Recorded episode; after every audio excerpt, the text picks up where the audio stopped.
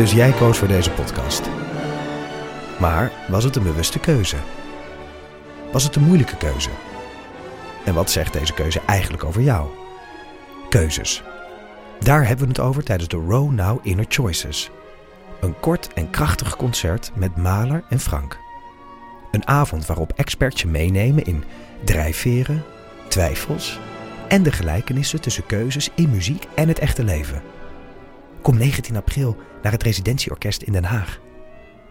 Een kaartje heb je al vanaf 20 euro. En terwijl ik val, zie ik die enorme kop van die beer boven me. In de wekelijkse podcast Echt Gebeurd worden al meer dan 10 jaar mooie, grappige, spannende en ontroerende verhalen verteld door de mensen die ze zelf hebben beleefd. Het regende bommen, dat wil zeggen, om de zoveel tijd ontplofte er een bus. Er zijn al meer dan 400 afleveringen van Echt Gebeurd verschenen. Dit is geen sjamaan, dit is een achterhoeker. Abonneer je nu op Echt Gebeurd in je favoriete podcast-app.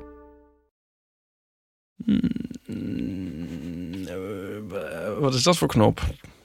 Nu, nu, nu loopt hij. Oh, dat rode is een soort armen en dan met groen loopt, Dan hij. loopt hij. Ja. Ah, ja. Ja. Dat is trouwens bij elke recorder weer anders.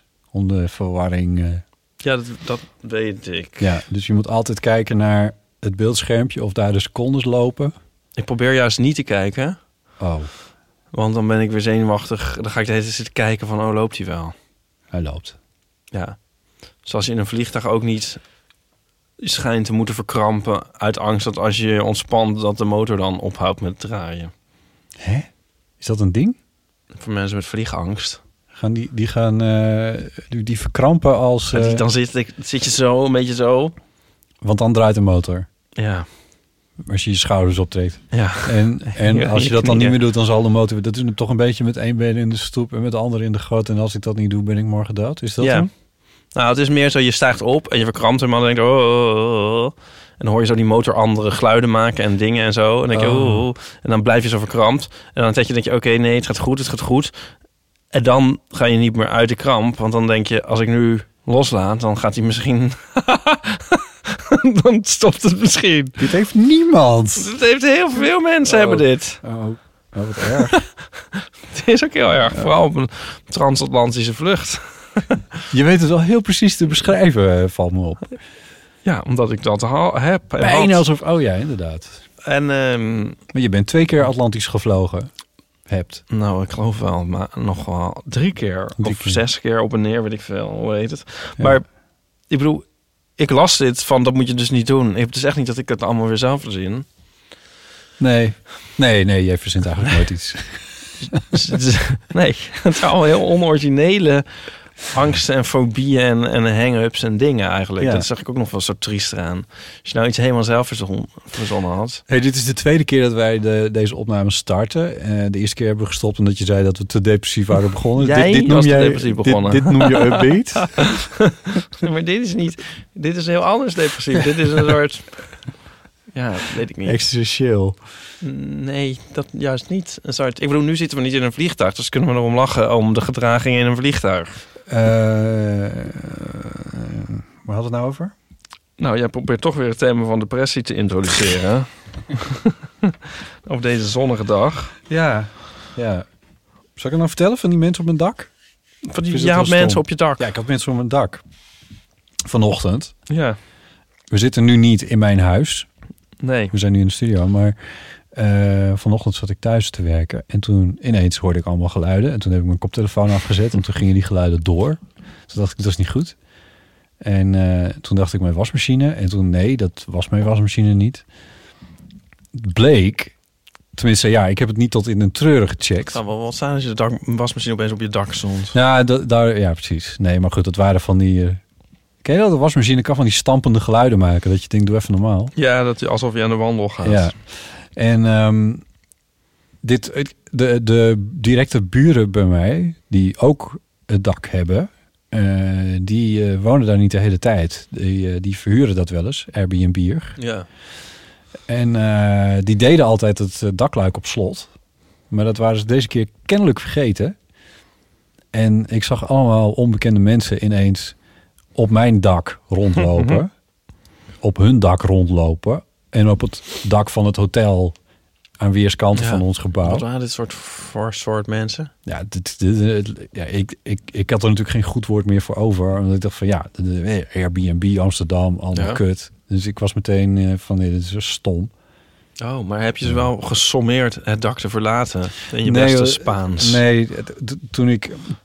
Ja, precies. Dat, dat, dat, die kans is dan ook nog eens een keer aanwezig. Oké. Nee, maar ze begrijpen wel, als je daar kwaad je hoofd naar buiten steekt, dan snappen ze ook wel dat ze van het dak af moeten. Ja, maar natuurlijk. ja, dat snappen ze dan wel. Maar om dat voor elkaar te krijgen... kun je beter vriendelijk je hoofd buiten het Oh, dak steken ja, natuurlijk. Ik, allemaal niet. Ja, ik woon gelukkig niet onder een dak. nee. ja, nou. Ja, ik doe ook weer wel, maar ik bedoel niet rechtstreeks. Nee, ik snap wat je bedoelt. Maar ja, goed, we zullen zien. We zullen zien. Maar ik, ik vond het wel heel stom. Gelukkig las ik eh, eh, eh, letterlijk twee minuten later een nieuwsberichtje dat in het parool dat eh, eh, bepaalde stadsdelen Airbnb helemaal willen verbieden in Amsterdam. Dus toen dacht ik, ha, Oh ja. ha. Ja, ik heb wel eens een strip gemaakt over gentrificatie. En dan wordt dan vergelijk ik gentrificatie met de zeven plagen van Egypte. Oh ja, En zo van eerst komen de bakfietsmoeders en dan komen de toeristen en dan komen de barista's en zo. ja, ja, Nou, die is heel grappig. ja. Dus ik was te denken van, dan moet ik dus nu weer een nieuwe strip verzinnen voor deze week. En dan denk ik van, waarom kunnen we niet gewoon nog een keer die oude strip doen? Die is heel grappig. Heeft hij al in het parool gestaan? Ja, Oh. Ja, eh, variant erop? Niemand die dat nog weet. ja. Iedereen is toch boos op Airbnb. Dus het, eh, ik vind het al wel lang best als je die in de zijk neemt. kunnen we niet gewoon eh, ook nog een keer weer een oude podcast? Die van vorige week, die was leuk. Zullen we die gewoon nog een keer... ja. precies. ja. Oh, maar hier, ook hier hebben we het trouwens al eens over gehad. Zo van elke keer maar dingen erbij maken. Over het algemeen allemaal veel minder. Ja, Niemand kan hem meer bijbenen. Allemaal oude dingen zijn er nog. Die zijn hartstikke leuk. ja. Dan raak ik helemaal ondergesneeuwd. Zullen we er gewoon mee ophouden? Of vanaf nu alleen nog maar herhalingen. Herhalingen. ja, maar ik bedoel, mensen zitten er ook de hele tijd Friends te kijken. Dat is wel waar, ja. Ja, Maar onze oude afleveringen worden ook goed beluisterd. onze oude. Ja, Alle classics. de classics, ja. De eeuw van amateur Gold. Eh, over, z'n- over, z'n- over niet bijbenen en, en bergen een nieuwe troep gesproken. Ho, ho, die laatste dingen zijn nieuw in deze equation. Ehm, ik heb ook weer een, ik was ook weer te gast bij weer een andere podcast. Ik Oh. heb weer 15 Oh. uur naar luisteren. oh, nee. Dat zal ik gelijk maar even pluggen. Eh, ik zat nou weer in geeky dingen eh, over aliens Houdt praten. het dan nooit op. Kun je ook daar kun je een jingletje van maken. ja. Met, met Carice. Is dat niet leuk? Over wat? Met Carice van Houten. Over? Van houd het dan nooit op. oh, ja. Dat is leuk als Ja. jingle. Zwartboek. Nee, nee ja, ja. Ja. Ga je dat nee, maken? Nee. Hoezo niet?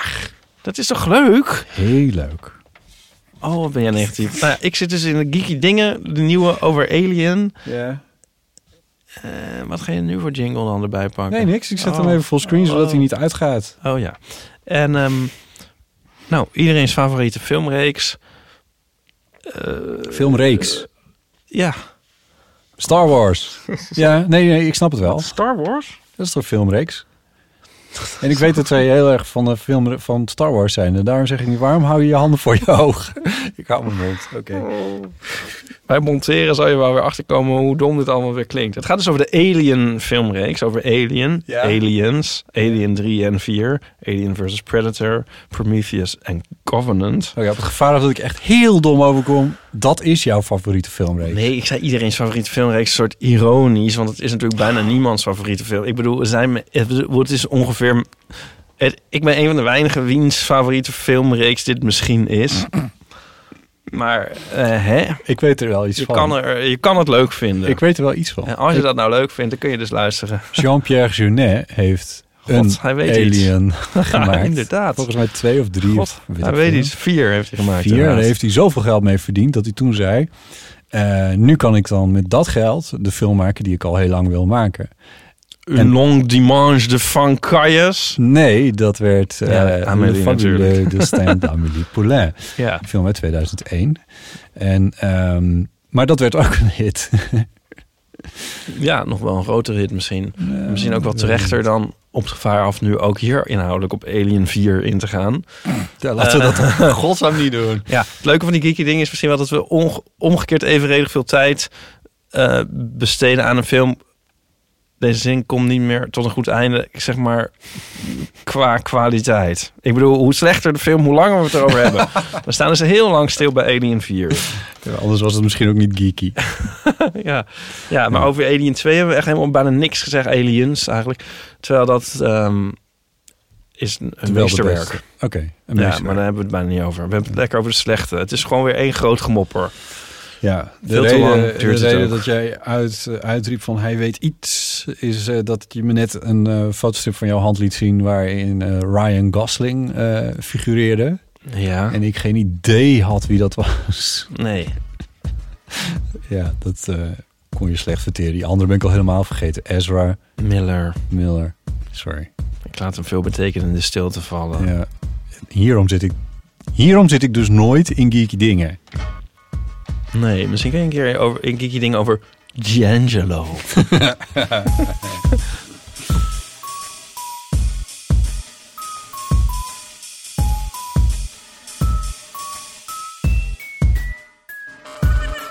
Welkom bij Deel van Amateur, aflevering eh, 9, 97. 97. eh, 97. 97. Het jaar dat de Shop Boys een cover van Somewhere uitbrachten. Wil je meeschrijven aan de website van Deel van Amateur, dan kan dat. We hebben een show notes wiki bedacht en gemaakt door Nico Naas... waar je als luisteraar een bijdrage kan leveren aan het archief van de Deel van Amateur.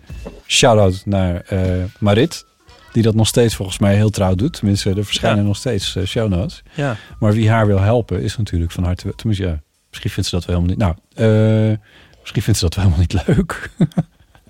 Ik weet niet of zij het allemaal doet of dat het een heel bataljon Nee, ja. aan eeuwfans het is ja, allemaal misschien, voor ons. ja, misschien wel, ja. Nou ja, maar goed. Dan had ik net al een theezakje gepakt. Ja. Ik heb hier precies één. Ja, nee, nou, ik eh, zet, maar, Ja. zet maar eens een jingle aan.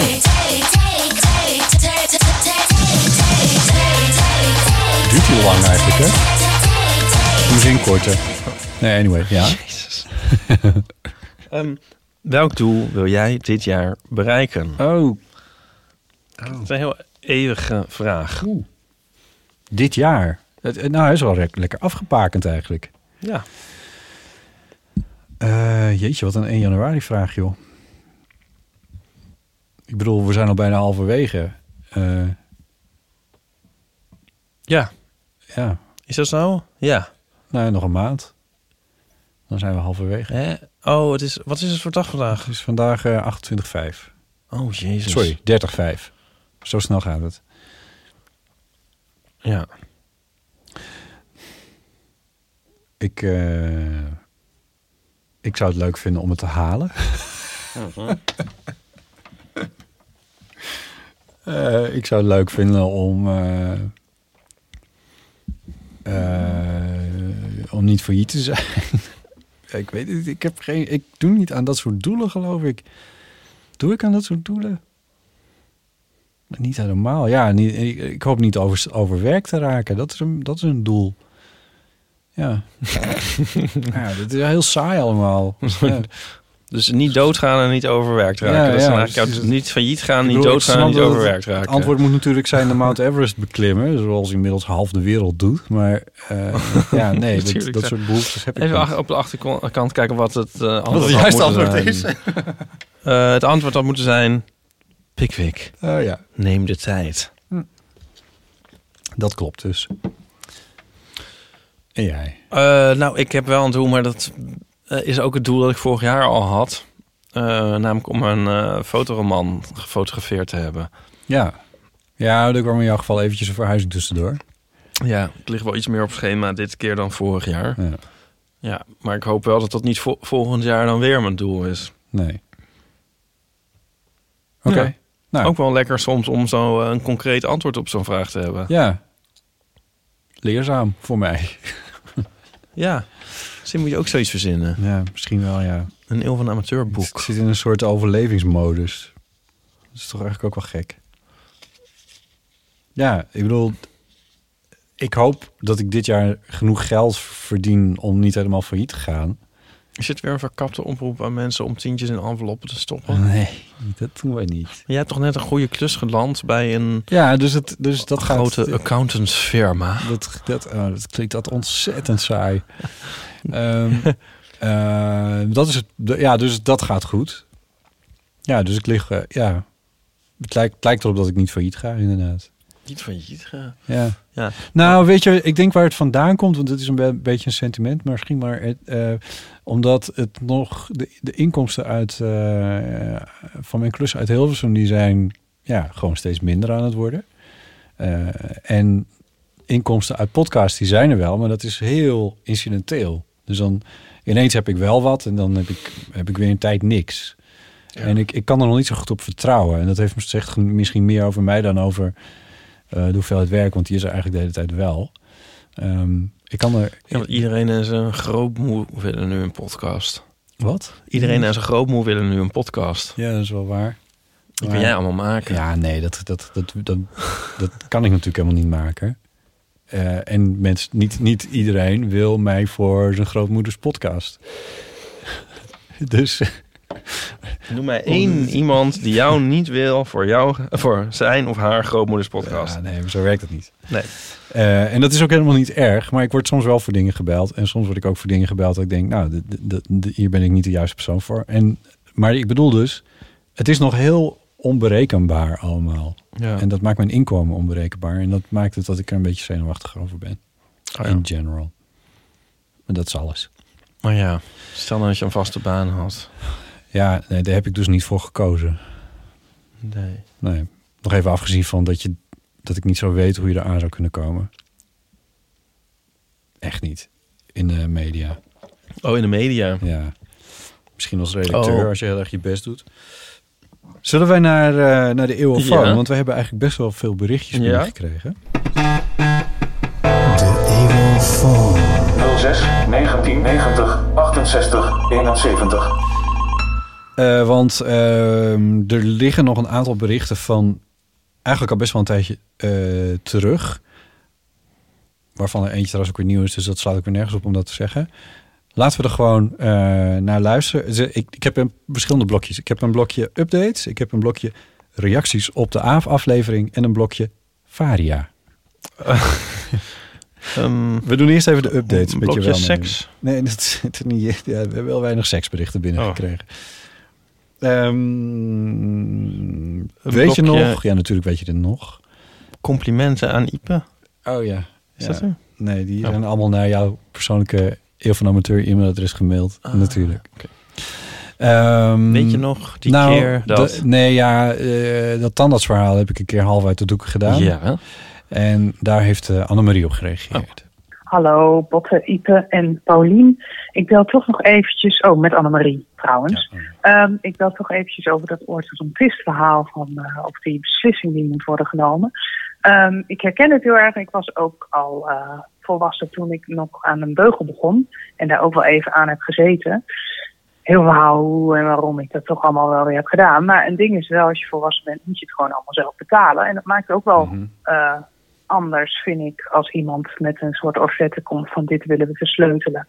En ik moet zeggen dat ik ook eh, op zo'n moment heb gezegd, nou, dit, moet dit allemaal en waarom dan? En volgens mij is dat ook heel goed, want ik heb eens om me heen gekeken en met andere mensen over gehad. Wat me opvalt is dat die orthodontisten vooral heel veel jonge kinderen, of nee, kinderen en pubers over de krijgen.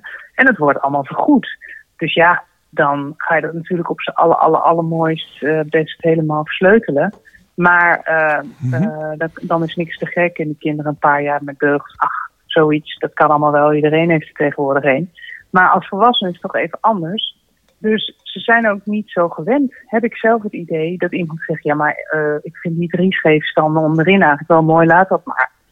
Ehm, nou ja, ik dacht misschien toch fijn om dit perspectief ook nog mee te nemen in de beslissingen. Ik denk, eh, ja, twee jaar is wel heel lang. Ik Ja. ben er wel super blij mee uiteindelijk. Hm. Maar ehm, ik zou inderdaad ook wel kritisch blijven.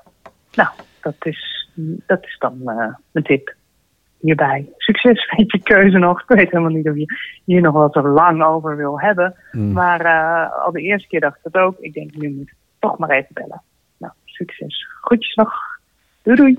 Dankjewel, Annemarie. Ehm, ik heb maandag dus een second opinion. Oh, Ja, wie? Ik heb, mijn, eh, ik heb dus een behandelplan gekregen, daar heb ik het over gehad. En toen ben ik daarmee naar mijn tandarts gestapt. Zo van, eh, ja, kan jij hier iets over zeggen? Slaat het ergens op, et cetera? Want ik kan er natuurlijk helemaal niet over oordelen.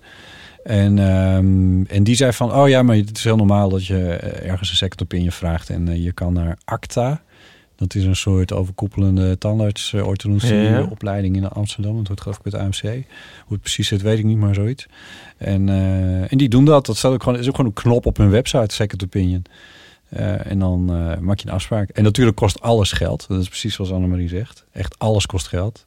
Ik, eh, Zo ook deze second opinion. Deze second opinion kost geld. Eh, als ik een vraag stel aan mijn orthodontist, krijg ik daar een rekening voor. En eh, ja, dus het is eigenlijk best... ik vind het heel kut. ik vind het allemaal heel kut. Ik weet ook echt nog steeds niet... Ik denk wel dat ik het ga doen, maar dan... Als je het gaat doen, zijn er nog steeds een paar opties. En dan weet ik nog steeds niet wat dat dan moet worden. En, eh, ah. Ah.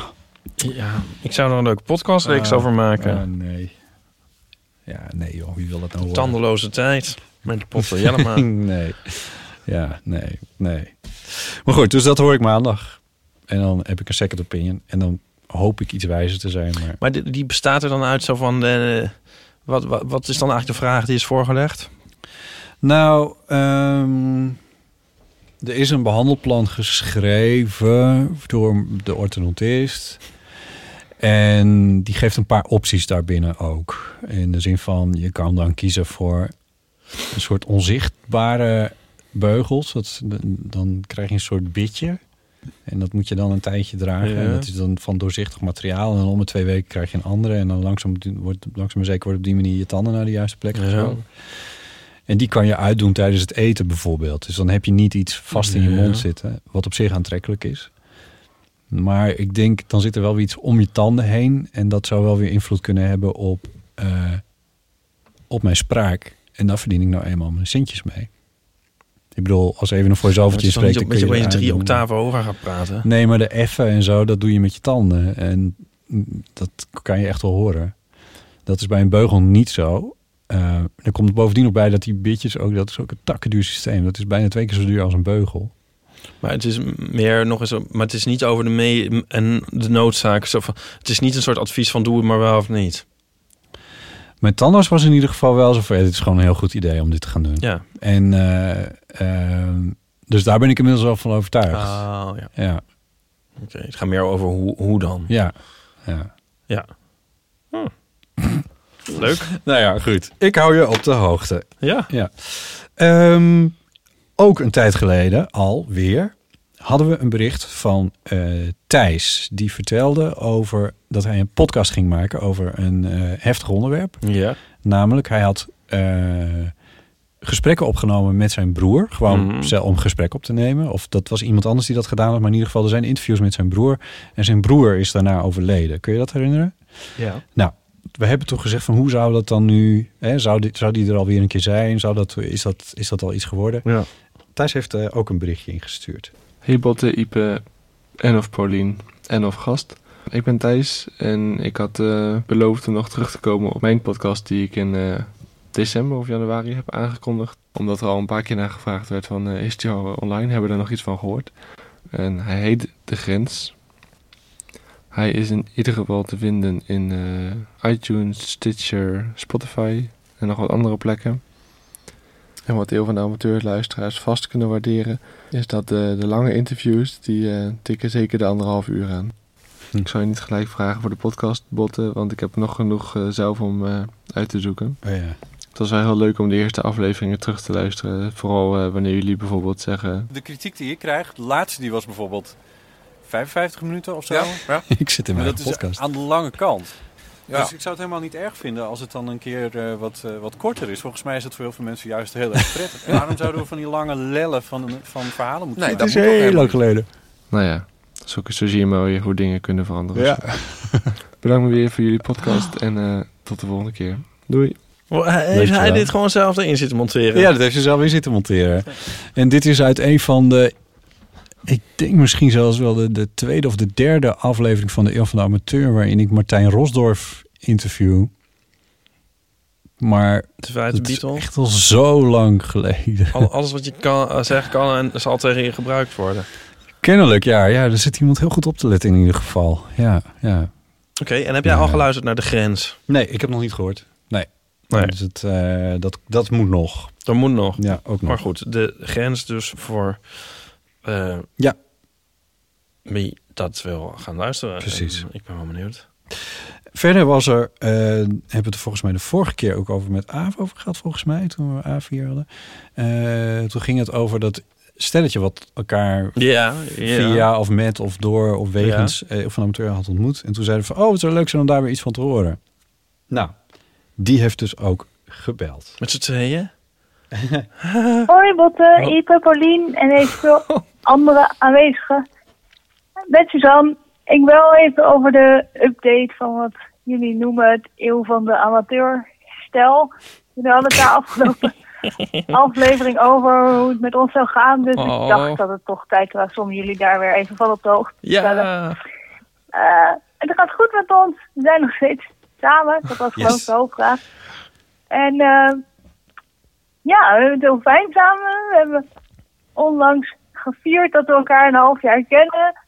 Eh, we luisteren iedere week natuurlijk. Dat moet wel een eeuw van de amateurstijl. En eh, daar genieten we nog steeds heel erg van. Meestal luisteren we apart en soms praten we dan daarna even bij van... Oh, dat zei Ipe ook. Of heb je dat gehoord? En eh, een paar weken terug gingen we bijvoorbeeld een weekendje naar Friesland. En dan was jullie podcast precies lang genoeg om onze autorit Ja, dat klopt. net een beetje leuker te maken. Wat voor auto hebben zijn, jullie? eh, een keer een weekendje naar Berlijn geweest. Oh. Naar onder andere het lichtkunstwerk van James Turrell geweest. Ook een tip uit jullie nou podcast van? Lieve. Dat was jouw... Nou, maar- Eh, ja. Dat is een tip uit onze nog, podcast. eh, Huh?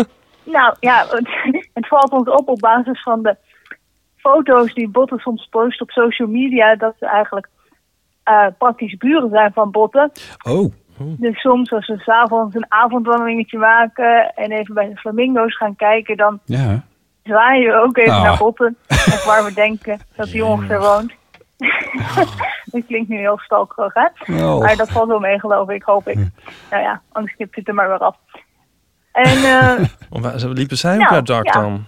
en het is fijn, dus als Ze er nog een keer heel iets eh, dichtbij. significant gebeurt, dan bellen we wel weer. En anders misschien ook nog wel een keer Heel voor een keurtje update. Eh, blijf lekker een podcast maken. Wij luisteren het veel plezier. En groetjes, ook van Robin. Oh. Robin en Suzanne. Want Hier had je mee moeten beginnen. Ik, ik bouw het op. Want- Dit heb ik ook al eens een keer Ik gezegd. kan niet geloven dat het hier nog overheen gaat. Ik heb helemaal wat, wat mijn moeder moet hebben eh, als ze vraagt hoe het met mij gaat. Oh. Zo van, Je, vindt- dit, je, wij zijn nog wel helemaal miserabel, maar hier kan ik me helemaal aan optrekken. Van het gaat allemaal goed met Robin en Suzanne. En wa- wat, een, wat een fijn leven hebben die. Ja, dat Hoor je dat allemaal? Samen naar de penguins kijken. Of sorry, de flamingo's kijken. Dus hij klinkt zo vrolijk en aardig. Ja, ja, ja, Oh, wat moet het gezellig zijn. ja, ja. Ik bedoel, Ik wou dat we buren waren. oh, ergens is toch nog, bestaat er toch nog iets van geluk. Ja. Ik wil eigenlijk ook, ik wil eigenlijk ook met foto's en eh, ik wil eigenlijk alles weten, maar eigenlijk ook weer niet. Nee, precies. Een beetje gedoseerd. Zo af en Maar toe. dit was wel heel leuk, ja. Ja, dit is heel leuk om. Ik stel voor dat... eh nou ja, wat ze zei, als iets significants gebeurt... dat we dan, eh, dat we dan weer even een update krijgen. Ja, heel Dat, graag, Dat zou ja. ik heel leuk vinden. En blijf zwaaien. Op een dag zwaai ik terug. Zouden we ook op de bruiloft mogen komen? Ja, dat we daar live een podcast opnemen. Ja, ik denk dat ik denk ook, niet dat het te gekker kan worden ik denk, dan dat. ehm, ik denk dat ze ook knap zijn, allebei. Het kan bijna niet anders. Want eigenlijk alle Eeuw van Amateurluisteraars zijn onwijs knap. Ja. Ehm superleuk. Nu we toch een beetje, want dit kwam ook door dat we met Aaf daar weer wat over hadden. Ehm, en er was nog een andere reactie op de aflevering met Aaf van eh, Sam. Laten we daar even... Oh, we gaan nu van de ene categorie naar de andere. Ja, dit, nu nu gaan we naar, naar de categorie reacties op Aaf aflevering. Oh ja. Hoi Botte en Ipe, dit is een berichtje van Sam. Ik ben een enthousiast luisteraar van de Eeuw van de Amateur. Sinds mijn zusje jullie heeft aangeraden, eh, heb ik een aantal maanden lang alle, al jullie oude afleveringen teruggeluisterd. en sinds ik daarmee klaar ben, eh, zit ik op een rantsoen van één keer per week. Net als alle luisteraars. En het voelt een beetje alsof huisgenoten ehm, ver weg zijn verhuisd. En dat je af en toe nog wel afspreekt om even bij te praten, maar toch het normale, dagelijkse vanzelfsprekende contact is. Nou, best wel jammer dus. Ehm, ik heb al vaker de Eurofoon willen bellen. En volgens mij is het een goede aanleiding eh, om dat te doen. In de aflevering met Aaf was er een luisteraar die samenwerkt met mensen met eh, een andere politieke voorkeur. En ik ben ervan overtuigd dat dat ook heel goed kan. Ehm, mijn verhaal gaat nog ietsje verder. Ik woon eh, namelijk samen met iemand met een andere politieke voorkeur. Ik ben zelf GroenLinks en mijn vriendje stemt behoorlijk eh, rechts in het eh, spectrum. En dat is niet altijd makkelijk. Ehm, het, is, het is ook een beetje een bizarre situatie. Het ligt niet zo voor de hand. Mensen verwachten het niet. En vroeger had je een uh, gezegde, twee geloven op één kussen, daar slaapt de duivel tussen. En dit is volgens mij net zoiets, maar dan, dan politiek. Ehm, en in de regel praten we thuis ook echt niet eh, over politiek. Anders krijgen we toch uh, vaak. Ehm, we zijn ooit lang geleden bij elkaar gekomen omdat we samen een kindje kregen. En inmiddels hebben we vier kinderen. En gelukkig zitten we over de opvoeding en over veel andere dingen wel op één lijn. Uh, maar goed, als ik iets positiefs moet noemen aan de politieke verdeeldheid in ons gezin, dan is het denk ik uh, dat ik zelf toleranter ben geworden. Ja. En dat ik me niet zo snel meer schaam voor een ander. Ik uh, me beter om de mening van iemand anders bij die persoon te laten. Um, ik ben benieuwd wat voor jullie tolerant zijn betekent in het dagelijks leven. Um, nou, dat was het. succes met de podcast. Goed, van Sam. Ja, ze voegde daar uh, iets later nog één ding aan toe. Hoi Bot en Ipe, dit is uh, Sam nog een keer. Ik ben net in mijn berichtje iets heel belangrijks vergeten te vertellen. Namelijk, ik hou ook heel veel van mijn vriendje. nou, dat was een doeg. Doeg, dankjewel Sam. Uh, de verbinding was niet al te best, maar voor wie het niet helemaal heeft meegekregen, ze vertelde dus dat zij uh, een relatie heeft met iemand die uh, in het politieke spectrum totaal aan de andere kant. Want zij stemt GroenLinks, hij, st hij stemt helemaal rechts, wat dat precies uh, is. NSDAP. Dat, dat vertelt het verhaal niet.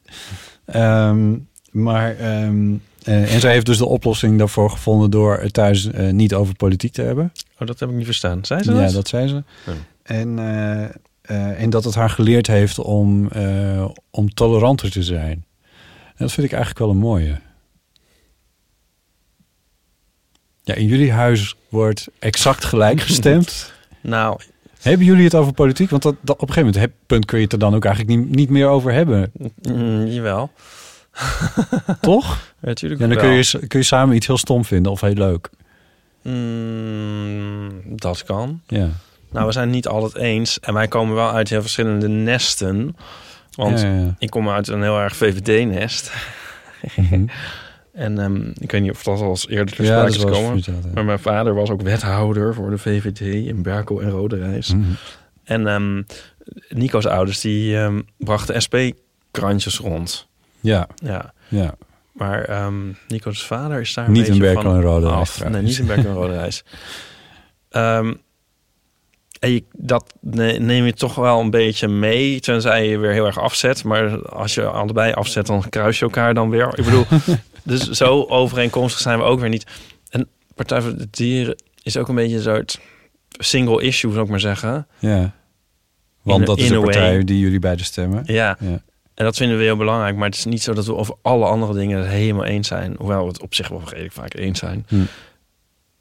Eh, Zou jij verkering kunnen hebben met iemand die... eh, die, eh, die, die eh, totaal anti-dieren stemt? Ja, Oh, jeetje, waar, waar nou- komt het dan op neer? Oh, nou, nee, ik zou niet. is dat niet het is de anti-dieren. Ja, anti-dieren. Ja, is het weet niet echt een, partij tegen niet. de dieren. Nee. Maar ik zou wel. We hebben het wel zo. Nou ja, ik weet niet of ik- CDA staat een beetje tegenover Partij voor de Dieren, heb ik wel eens het idee. Het echte landbouwpartij, partij Ja. die, nou, et cetera. Ja, nou, dat zou wel. Denk ik, ja. Nou, Nico misschien niet. Die zou geen verkering kunnen hebben met iemand die CDA stemt. Ik denk dat ik Bedoel dat je? wel zou kunnen. Ik weet niet of ik eerlijk gezegd, ik weet niet hoe erg dit klinkt, maar ik weet niet of ik een, eh, ik denk niet dat ik met een eh, vriendje zou kunnen hebben dat niet ook vegetariër is. Terwijl jij niet vegetariër was toen je verkering Nee. kreeg met Nico. Nee. Maar nu zou ik dat toch wel. Dus ik zou nu toch wel doorzoeken tot ik er eentje had, denk ik. That narrows it down. Maar, ehm, nou, valt hem mee. Ja, wie, dit is, iedereen is tot nu toch. Maar... Ja, in jouw bubbel. Eh, in mijn bubbel, ja. Eh, nee, maar ja, en verder. Ja, het, het ging, die vraag vorige week ging er meer over... als je echt heel ver uit, uiteenloopt, hè? Dat was die Kitty die inbelde. Ja, het gaat er eigenlijk om Waarbij partijen we die... overigens, toen ik het monteerde, realiseerde ik me dat we, dat we ervan uit waren gegaan dat zij aan de linkerkant van het pe- spectrum Oh, zou staan en, en degene waar ze het over had aan de rechterkant. Dat is niet expliciet gemaakt. Dat kan ook best nog andersom zijn, maar ja, goed. Ja. Ja? Nou, het is niet heel waarschijnlijk, maar, maar ik bedoel uit de context. Was wel, ik weet niet zat- of je in die zin echt... Er was een ex- reden dat we dat dachten, maar... Ik bedoel, je hebt extremer rechts dan, dan extreem links, toch? In Nederland. In de politiek. Je hebt misschien extreem linkse groeperingen. Maar is er een extreem linkse partij? SP vind ik toch wel, wel fix links hoor. Is of fix links, maar is het, vind je hem... Op een conservatief linkse anti-Europa. En eh, ja, dat, ik vind SP toch wel... Ja, ik bedoel, ik snap dat je, dat je rechts erger vindt. Maar dat betekent nog niet dat het... Dat het... eh, ja, nee, dat, eh, dat weet ik niet. Partij voor de Dieren... Ja, is op, ja, zoals je zegt, is one issue. Dus dat, dat, dat kun je eigenlijk niet heel goed beoordelen. Maar vind ik zeker op, op het ehm, gebied van de, van de issue, vind ik ze heel links. Ja, maar ik bedoel, je hebt niet echt een marxistische partij. Nou, de communisten die zijn al een tijdje weg inderdaad. Ja, maar de SP... Dat, dat, dat- die- Maar ik ben ook geen fan van de SP. Ja, maar marxisme vind ik dan ook meteen wel weer... bedoel, ik weet niet of, of je zeg maar de, de FVD en PVV de tegenpolen van marxisme kunt noemen. Of nee, zo. weet ik ook niet. Ik denk dat ik wel snap wat je bedoelt. Alleen ik heb toch een beetje het idee dat het ook met je Nou, perspectief heeft te maken. Wat ik denk dat eigenlijk met rechts is, met de extre extreem rechts, noem ik het dan maar even, partijen. Flink rechts, ja. Is dat je altijd het idee hebt dat ze misschien ehm, dat ze eigenlijk eh, heimelijk nog wel verder, verder ideeën hebben dan ze, eigen, dan ze openlijk ventileren. Ja. En dat maakt ze eh, dan weer nog extremer. Omdat je er iets op projecteert. Dat eh, misschien is het er niet. Maar ik bedoel, bij Thierry Baudet... Die, dat is een iemand die ik ook dan eigenlijk niet echt vertrouw. Nee. nee. Dan denk ik van, hij is misschien... Denkt hij nog Nou, wel nog ergere dingen dan hij al zegt. Snap je? Ik, ik moet zeggen dat Thierry Baudet al heel erg dingen zegt. En retweet en et cetera. Nee, maar... Dus ik vind hem er eerlijk gezegd wel vrij open over. Ik begrijp alleen niet zo heel erg goed waarom, en dan met name de media, hem nog met zoveel redelijkheid benaderen. Ook kiezers trouwens, die zeggen van ja, maar hij bedoelt het allemaal niet zo. Als hij het zo niet bedoelt, dan moet hij het ook niet zo zeggen. Hij zegt het gewoon zo. En dan staat hij ineens weer tussen de FNV-stakers. En dan staat hij ineens met een keppeltje op. Allemaal van die hele opportunistische, populistische dingen die hij dan ineens doet. Het is gewoon heel, heel bipolair bijna. Maar in ieder geval dat je denkt, ja, anyway, maak je punt. Nou, mijn punt was eigenlijk al Ja. gemaakt. Dat is denk ik wat, die, eh, wat, wat rechts op een of andere manier nog rechtser maakt dan ze al lijken. Dat je denkt van... Ja, je maar is weet dat niet het helemaal dan? wat je Of- eraan hebt. Of zou het nog... Ja, zouden ze ja, ja. nog- En eh, Ja, dat, Geert Wilders ligt nu dus bijvoorbeeld onder vuur. Omdat eh, het helemaal niet goed gaat met de PVV. En er zijn een aantal PVV'ers. De, de statenleden, PVV-statenleden die verkozen zijn in Utrecht... die hebben eh, voor de Eerste Kamer op Vorm voor Democratie statenleden gestemd. Wat een beetje gênant is. Maar die, die zijn het dus niet eens met waar de partij naartoe gaat, de PVV. Eh, en eh, dit zou het moment kunnen zijn voor Geert Wilders om te zeggen van nou, we gaan nu toch een ledenapparaat eh, opzetten. We gaan werken met statuten en alles waar een, een, een, een politieke partij normaal gesproken mee werkt. Maar dat weigert hij pertinent. Ja. Ehm, dat zou ik ook doen. Want dat het gaat houdt de gelederen helemaal... Nou, dat zou, dat, zou, dat zou je kunnen zeggen. Maar hij houdt de gelederen dus helemaal gesloten. Eh, en ik denk dat tot, tot in lengte vandaag en er nog altijd wel voldoende mensen op de PVV zullen stemmen, zodat Geert Wilders een baantje behoudt. Ja. Maar ehm, ja, geen idee wat, wat dit verder gaat worden. Maar daardoor eh, wordt het nu maar weer eens een keer duidelijk hoe eh, sectarisch die partij eigenlijk is. Wat heel gek is in Nederland. Dat is ook iets wat mensen heel, waar mensen heel makkelijker in de media ook en ook, eh, en ook stemmers heel makkelijk overheen stappen. Van ja, hij heeft, geen leden, nee, want dan krijg je gedoe met leden. Ja, krijg je gedoe met leden, dat hoort gewoon allemaal bij, bij, een, eh, bij een democratie. Dat Mhm. is gewoon heel gek dat dat niet zo is. Ja, maar, maar we dwalen af, heb ik het idee. Nee, dit, is, dit, is, dit, is, dit, dit sluit aan. Ik, Ja. bedoel- ik bedoelde dit dus ter ondersteuning van jouw punt. Oh, dat van, je dat echt een al een je weet niet goed. gestoorde partij bent. Je, je, je weet niet zo goed wat je eraan hebt aan de rechterkant. Nee. En dat moet eerlijk gezegd dan weer wel, dat moet je de linkerkant dan wel weer meegeven. Ik, niet het bij voor de dieren, sorry, dat vind ik ook een secte.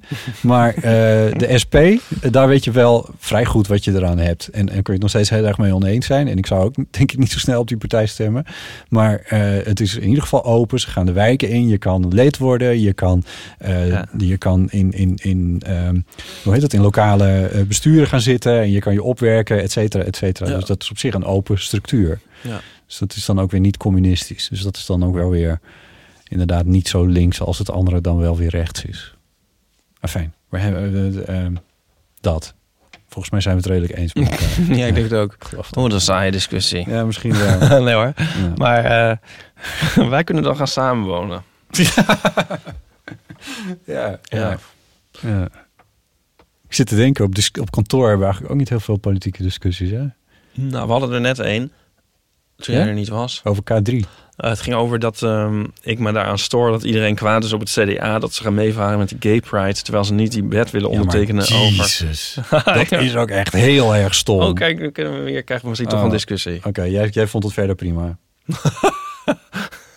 Nou. Even voor de, voor de volledigheid. Er is gestemd over een wetsvoorstel ehm, om... ehm, wat dan, ik zeg- het met air quotes, want ik vind het woord verschrikkelijk, maar homogenezingen, om die te verbieden. Ja. En dan zijn er eh, partijen, en daar hoort het CDA, eh, ChristenUnie, SGP, PVV en Vorm voor Democratie. Volgens mij zijn dat de vijf die tegen hebben gestemd. Uiteindelijk is er dus wel een meerderheid in de Kamer geweest, waardoor die eh, motie wel is aangenomen. Waardoor dus, naar alle waarschijnlijkheid, gaat worden verboden om homogenezingen te doen. Het, de, het argument dat volgens mij het CDA erbij gaf van waarom ze tegenstemden, eh, in ieder geval Vorm van Democratie zei dat bij monden van Theo Hiddema. Ja, eh, dat soort dingen is al lang verboden, dus eh, eh, waarom eh, zou je hier nog een eh, Ja. extra wetje voor moeten aannemen? Ja, eh, dat vind ik echt zo'n compleet non-argument. Nou, dat lijkt mij een heel terecht En argument. dat is een afschuwelijk argument. En wel om- hierom.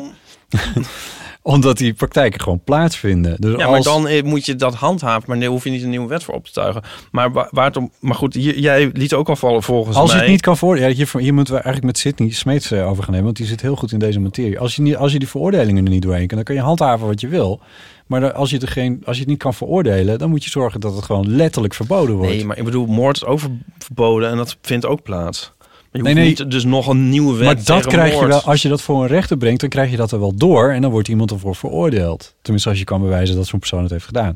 Ja. Bij die homogenezingen ligt dat allemaal veel ingewikkelder. En nogmaals, ik zou, je je zou hier met Sidney Smeet... Misschien Ja, nee, ja, tref je die jongen wel eens. Misschien Maar- tref je hem wel eens. bij, Nee, maar eh, stop, dit is een heel raar ar- autoriteitsargument. Hij is er niet bij, hij zit er niet bij. Dus misschien weet hij er iets van en Nee. zou hij misschien kan hij me overtuigen. Nu, nu zijn wij in gesprek. ja, Er zijn, eh, waar het mij alleen maar om gaat, of je wel of niet voor die wet moet stemmen, weet ik niet. Ik kan tig argumenten bedenken om tegen die wet te stemmen. En ehm, dat je tegen die wet stemt, wil niet voor mij, betekent het niet dat je niet meer aan de gay pride zou mogen deelnemen. En dat je een soort volledig verstoten moet worden uit de LGBT-gemeenschap. En dat stoort mij. Dat, welke gemeenschap? dat mensen. Wat is dat? De LGBT. Ja, die, je, sprak de letters in het Nederlands uit. Je sprak de, de Amerikaanse of de niet? Engelse afkorting met Nederlandse Oh, letters uit. ik ja, anyway, ja, nou. sorry, ik zit je te, te Ja. klieren. Ja. Want ik weet eh, niet meer wat ik aan het zeggen was. Dat, dat wij niet het CDA mogen veroordelen of niet mogen verstoten uit de LHBT-gemeenschap vanwege... Nou, ik vind niet dat iemand, dat een partij zich volledig disqualificeert als ze deze in mijn oog eh, vrij triviale wet niet willen tekenen. Omdat er heel veel redenen voor kunnen zijn om dat niet te doen. En Je geeft dat- het je net. Ik kan wel redenen, er zijn wel, je geeft me reden om het wel te doen, maar er zijn, kunnen dus ook heel veel redenen zijn om het niet te doen. Bijvoorbeeld dat het al onder bestaande wetten gewoon valt. Ja.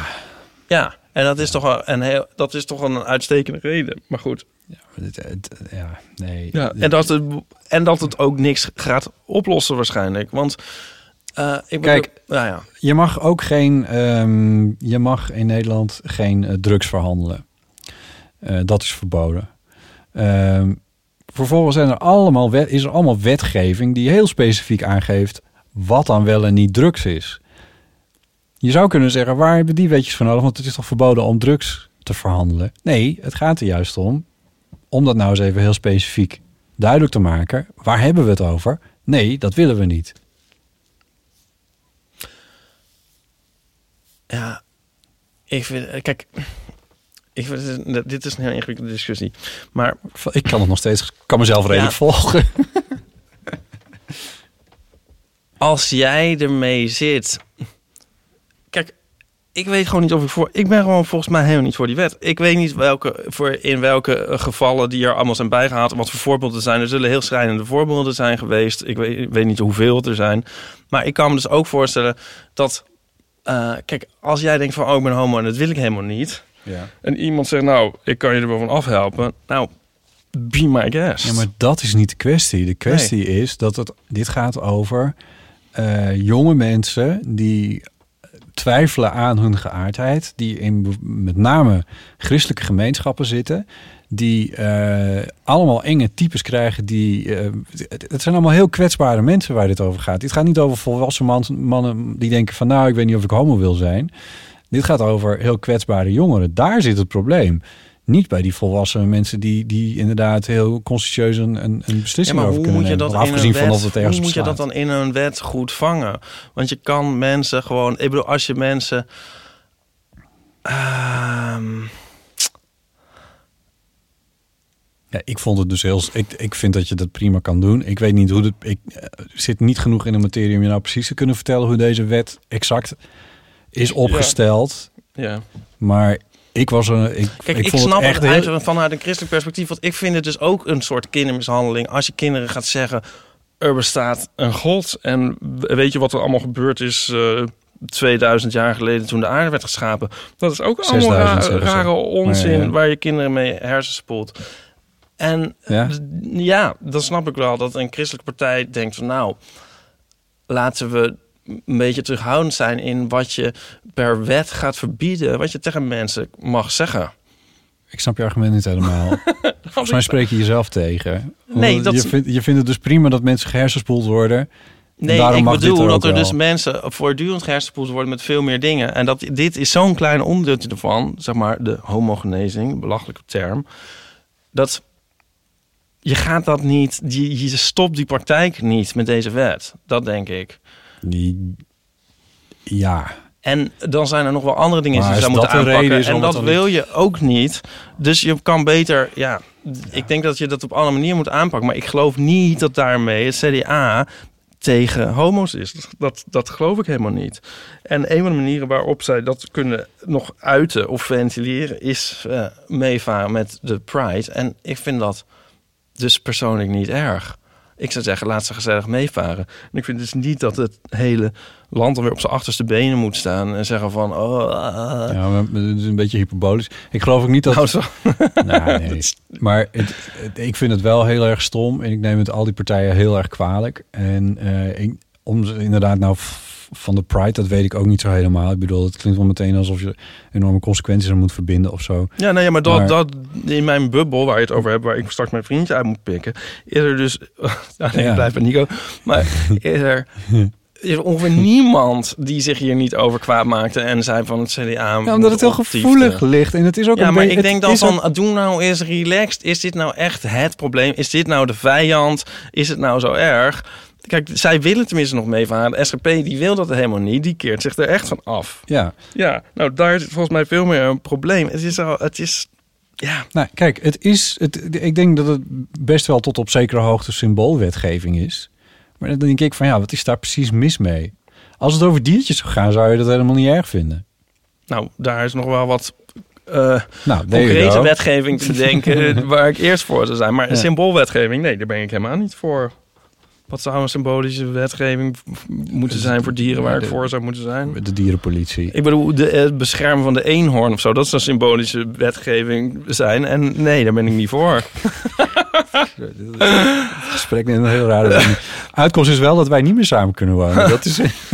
Nee, maar ehm, nou ja, en ik gisteren eh, hoorde ik nog een interview. Heb je dat gehoord? Dat interview van met Koos Huizen bij ehm welk programma was het eigenlijk? Op Radio 1. Nee.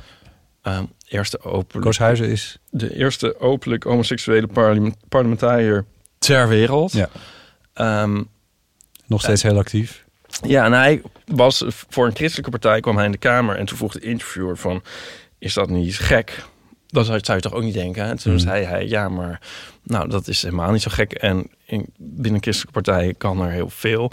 En het CDA bijvoorbeeld zei, hij heeft de eerste homoseksuele minister geleverd, openlijk homoseksueel, althans eh, Mhm. in de persoon van Gerda Verburg. Nou, toen dacht ik van, dat hoorde ik aan. Dan hoorde ik zeg maar vijf minuten nadat ik weer mijn hele timeline zo van, oh, het Mhm. CDA, nou die boot moeten ze torpederen en zo. En weet ik veel wat allemaal. En dan denk ik van, mensen, doe eens relaxed. Wat is er, wat is nou helemaal het probleem? Iedereen maakt zich helemaal hier druk om inderdaad symboolpolitiek. Terwijl volgens mij het CDA hierin helemaal niet zo het hart op de verkeerde plaats Kijk, heeft. die boot die gaat gewoon meevaren. Dat is helder. Eh, de- eh, Ja, dan gaan mensen boer roepen en dan wordt het Ja, allemaal heel vervelend. een paar. En dat is, maar dat Ja. vind ik prima. Ja. Ik, ik vind best dat het CDA hier even voor op zijn flikker mag krijgen. Dat vind ik echt... Ik bedoel, uiteindelijk verandert dat helemaal, natu- natuurlijk helemaal niks... dat wij daar met z'n allen boos over worden. Nee. Nee. Net zoals die wet dus iets gaat veranderen. Nou, dat, dat hoop ik dan wel, dat hij iets verandert. Maar misschien ook wel niet. Maar eh, dat het CDA nu eventjes eh, de, de, de wind van voren krijgt... ik vind dat prima. Ik, ik bedoel, ehm eh, laten we dat maar even voelen. Ik vind het niet zo erg. Hoe kwamen we hierop? Oh ja, dit is een politieke discussie. Ja, maar precies. zo, die hadden we dus eigenlijk daarnet al tijdens de lunch. Oh ja. Alleen toen was iedereen het eens. Ja, echt? Iedereen was met jou eens? Ja. Oh god. Verschrikkelijke mensen weer. Nee. Nou, volgende keer zal ik er op tijd zijn. Dan doe ik, er, dan doe ik hier mee. Zullen we naar iets anders? Eh, ja, naar de ijskast. Vind je nog steeds leuk hoor? Ja. ik ga even stoom afblazen in de Ja, keuken. ik ben er weer. Yes. Laten we even luisteren naar ehm, Valerie die heeft ingebeld. Hoi Botte, Ipe en lieve gast. Hier een berichtje vanuit Noorwegen en aan Oslo om precies te zijn. Want ik doe hier de minor acteren met maskers. En de minor Minor. wordt in het Engels gegeven, maar ik heb alleen maar Noorse klasgenoten. En ehm, ze doen allemaal heel erg hun best om Engels te praten, maar over het algemeen wordt er toch het meeste gewoon Noors gesproken. Dus toen heb ik besloten om op Noorse les te gaan. Eh, en nu spreek ik een aardig woordje Noors en het meeste kan ik ook al wel verstaan. Ehm, maar nu ga ik binnenkort weer terug naar Nederland. En nu ben ik een beetje bang dat ik de Noorse taal weer ga vergeten. Eigenlijk een beetje zoals met mijn Duits op de middelbare school. Ik kon het best redelijk en daar is helaas niet heel veel meer van over. En aangezien eh Paulien nu ook Japans aan het leren is, vroeg ik me af: hebben jullie tips hoe ik mijn Noorse taal kan bijhouden? Liefs, Valerie, hadebra. Hadebra. Dankjewel, eh Valerie. Ik, eh, dit is inderdaad iets wat je aan eh Paulien zou kunnen voorleggen. Die hadden we even niet beschikbaar. En toen dacht ik, wij kennen iemand die Noors aan het leren is. Dat is Jesse, een gemeenschappelijke Oh, vriend van ja. ons. Dus die heb ik dit berichtje even doorgestuurd. En die vond het ontzettend leuk. En die schrijft het volgende terug. Ehm, als eh, tip dan hè, voor, hoe zij dat dan eh, dat Noors eh, kan onderhouden. En Jesse schrijft: zoek en luister naar Noorse muziek die je leuk vindt. In het begin versta je er niet veel van, maar je traint als het ware je oren om Noorse woorden te onderscheiden. Ik zelf luister naar Cezinando, Gabrielle en Sondre Justad. Justad. Ik, die ken ik allemaal niet, maar dat zijn ongetwijfeld Noorse Mhm. singer-songwriters. En Noor, Noorwegen heeft een rijke muziekcultuur, dus daar, daar, daar kan ik me wel iets voor voorstellen. Hij schrijft verder, ver- de, eh, kijk ik elke week naar de Noorse versie van Dit Was Het Nieuws. Niet pa niet. Nee, dat is eh, geschreven met N-Y-T-T en dan pa als vader, maar dan met een rondje op de A. En dan nog een keer datzelfde niet. Ehm, en hij geeft de tip, zoek iemand om Noors mee te praten. Ik heb eh, Noors op de universiteit geleerd en kan praten over klimaatpolitiek, belastingklimaat en boorplatformen. Maar ik kan niet echt over seks praten in het Noors. Ik heb ook zelf niet iemand om mee te oefenen. Dus als ze koffie wil drinken, puntje, puntje, puntje. Dit is eh, een uitnodiging aan eh, Valerie. Ja. z- zij kan volgens mij redelijk onschuldig met Jess over seks praten. Ja. Mocht, eh, want, eh, eh, Zo je- met je de blinde die de lammen leidt natuurlijk niet. Maar wel leuk. ja, maar die komen samen echt wel ergens. Ja. Dus ik, eh, ik kan me er wel iets bij voorstellen. Eh, maar even voor de volledigheid dat eh, eh, Jesse staat aan onze kant van het uh, geaardheidsspectrum. Jezus. Ik wil het gewoon even ontladen. Bent het, klinkt toch heel gek dat een jongen zegt: ik, kan, ik heb niemand om, met niemand om over seks te praten. Dus ik. en die zegt dat tegen een meisje. Maar in dit geval. Oké. Ja? Ja. Ik voel me ineens heel onzeker over. Alsof ik, alsof ik hem vreselijk heb geout nu of zo. Ja. Het staat al over YouTube dat hij homo is. Dus eh, ja. Ja. Oké. Wat zit je nou ingewikkeld te doen? Niks. Ik vond, ik vond, Ja. het, heel, ik vond het heel leuk. Ehm, adressen zijn bekend bij de redactie. Is dat trouwens zo? Ja, dat is zo. Jezus. Eh, nou, Valerie moet me gewoon even mailen. Dan kan ik Jesse's adres gewoon doorgeven. Dat is Ja. denk ik het handigst. Botten.eeuwvanamateur.nl Misschien is hij wel bi-curious. Nu laat je het weer. Laden. Ehm, even kijken. Een ander onderwerp. Namelijk schaamte. Een bericht van Niki. Ja, hallo, met Mickey. Ik eh, loop al een hele tijd rond met een schaamteverhaal dat ik op wilde sturen. En eh nou heb ik afgelopen vrijdag beloofd dat ik dat ook daadwerkelijk zou gaan doen. Dus eh, hier bij mijn schaamteverhaal. Dit vertel ik regelmatig op feesten en partijen als ik zin heb om eh, weer eventjes dat lekkere moment van door de grond zakken eh, opnieuw te ervaren. Lekker. Uh, het speelt zich af toen ik een jaar of 17 was en op de middelbare school zat. En daar was een leraar, een uh, wat oudere meneer, en die had waarschijnlijk een keer een beroerte gehad of had misschien Parkinson. Um, en zoals middelbare scholieren naar kunnen zijn, zo was ik dat ook. En wij liepen elkaar altijd een beetje op te hitsen. Van ja, die man die is zo raar en zo langzaam. En uh, wat is dat nou met die man? Uh, nou, dat deden wij dan onderling. En uh, nu wil dat ik een keer op een verjaardag was. En we zaten in een groepje met wat vrienden en vriendinnen. En mensen die niet per se vrienden en vriendinnen waren, maar gewoon ook ons op school zaten. En uh, we hadden het over school en over leraren. En toen dacht ik, oh ja, verrek die man. Dus ik begon weer, ja, huh die gekke oude man, die is altijd zo langzaam. En wat doet hij nou raar? En wat doet hij nou raar? En toen zei het meisje tegenover me, ja, dat is mijn vader. Oh. Nou, je kunt je voorstellen hoe ik me moet hebben gevoeld toen.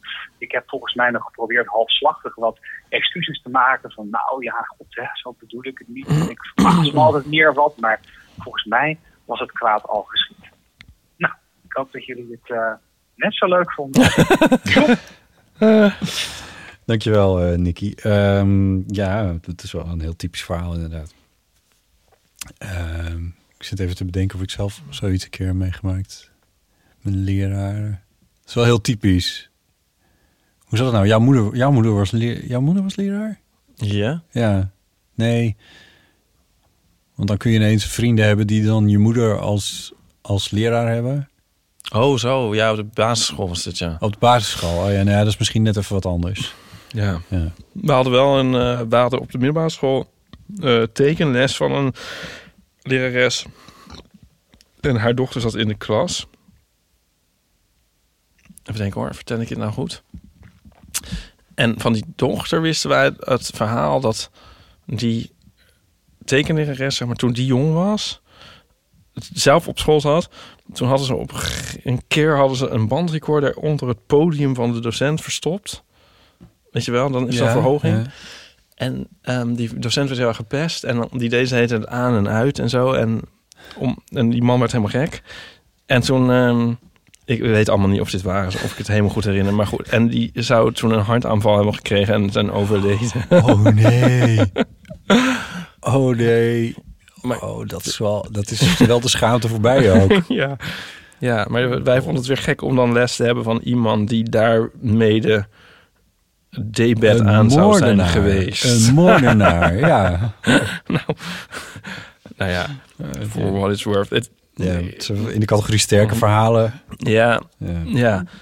Ik, het is trouwens wel zo dat iedereen die mij ooit les heeft gegeven ondertussen overleden is.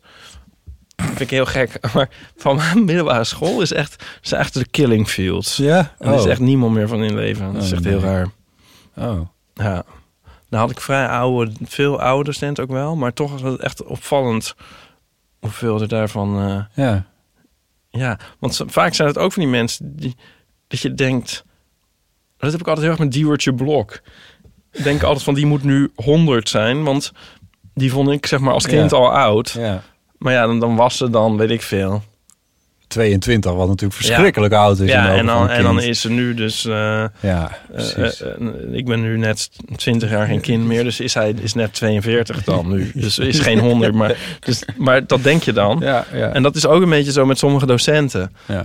Toch? En dan ga je weer. En het Ja. ja. ik was een jaartje of twee geleden was ik op een middelbare school. En, Ah, oké. en nou ja, iedereen was dus dood, behalve een enkeling. En die was dan eigenlijk nu misschien bijna nog wel jonger dan je dat toen dat vond. herinnert. Ja, ja. Ja. Ja, ja, ja, je kan het natuurlijk ook allemaal googlen. Eh, Nou, die, die oude docenten niet. Nou ja, de- de- ik geloof in mijn middelbare school wel een soort smoelenboek of zo eh, Oh ja? online. Dat, staat- ja. God, het nou precies zat? Nou, ik ben het vergeten. Maar toen, eh, toen zag ik er nog wel een paar namen tussen staan inderdaad, ja. ja maar waarvan het mij het dan weer opviel van... hé, hey, wat zijn er nog veel actief ook als eh, docent na zoveel jaren. Maar ik had dan weer eh, heel veel eh, jonge leraren achteraf bekeken. Ja? Allemaal, ja, allemaal twintigers en dertigers, ja. Oh ja. Ja. Nou, we hadden misschien een soort mix. Ja, ik weet het niet. Het is ook Hmm. misschien overdreven om te zeggen dat ze allemaal dood. Nou ja, er zijn er wel veel dood, ja. ja. Ik heb de neiging ze op te gaan noemen, maar dat is gek. Nee, dat doe dat maar niet. Ehm, even kijken, wat zullen we eens even doen? Eh, laten we even luisteren naar eh, Saar, die heeft ingebeld. Het al een tijdje geluk dat ze dat, terug dat ze dat heeft eh, gedaan. Kan ik jou nog irriteren door dit een bezem-episode te noemen? Ja, dat is goed. Hoi Botte, Ipe en misschien ook Pauline. En Pauline, als je dit hoort, nog eerst een complimenten voor je voorstelling die ik heb gezien in Terneuzen.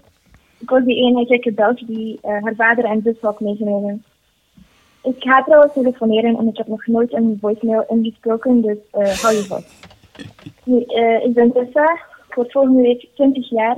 Wat je vast niet zal geloven als je dit hoort, maar ik klink altijd heel erg jong aan de telefoon. En het echt is dat wat minder, maar dan zie je mijn gezicht en dan denk je, waarom bestelt het 14-jarig meisje een margarita? Ehm, nu, ik weet niet meer hoe ik erop kwam, maar ik vroeg me af of jullie soms wouden dat je een bepaald accent had. En proberen jullie dat soms, soms ook uit. Eh, soms vraag je me af of eh, mensen die dagelijks of wekelijks zie iets ervan zouden merken als ik geleidelijk mijn accent zou veranderen.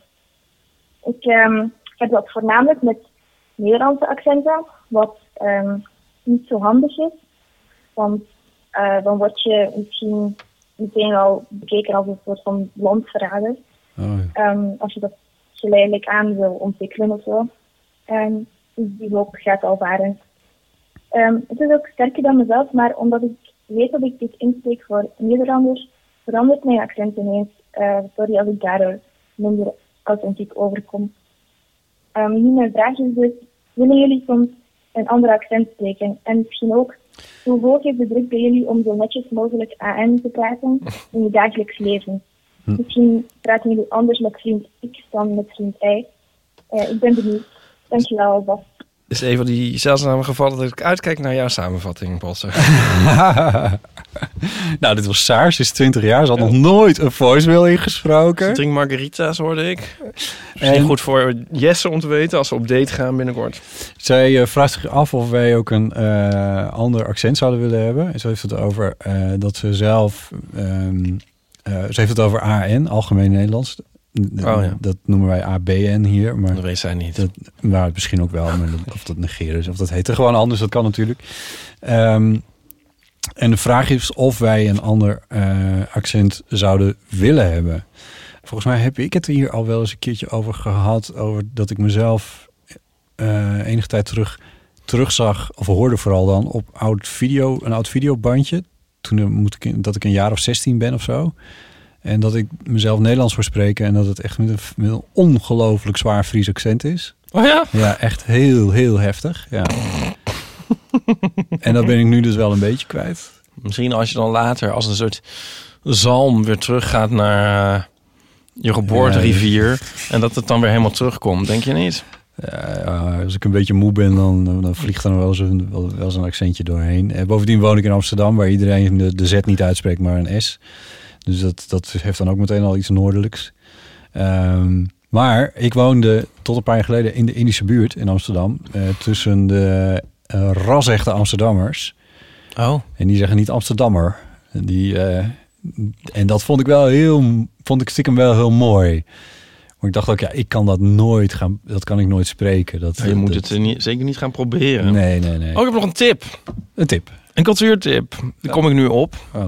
Baantje. Baantje, de film bedoel je? Ah, oh ja. En dan de eerste vijf minuten. Daarna moet je eigenlijk weggaan. Oh, nee, maar dat is een de eerste vijf minuten hebben we echt... Nico en ik gingen daarheen. We hebben echt zitten gillen. Ik, oh. We vonden het zo leuk. Ik heb eh, het voorfilmpje gezien en toen dacht ik, oh, dat is eh, Amsterdam en alles. Misschien Ja. is wel, vind ik het wel leuk. Maar Nico houdt dus heel erg van alles Amsterdam. Ja. Van die, van die vrouwen vooral.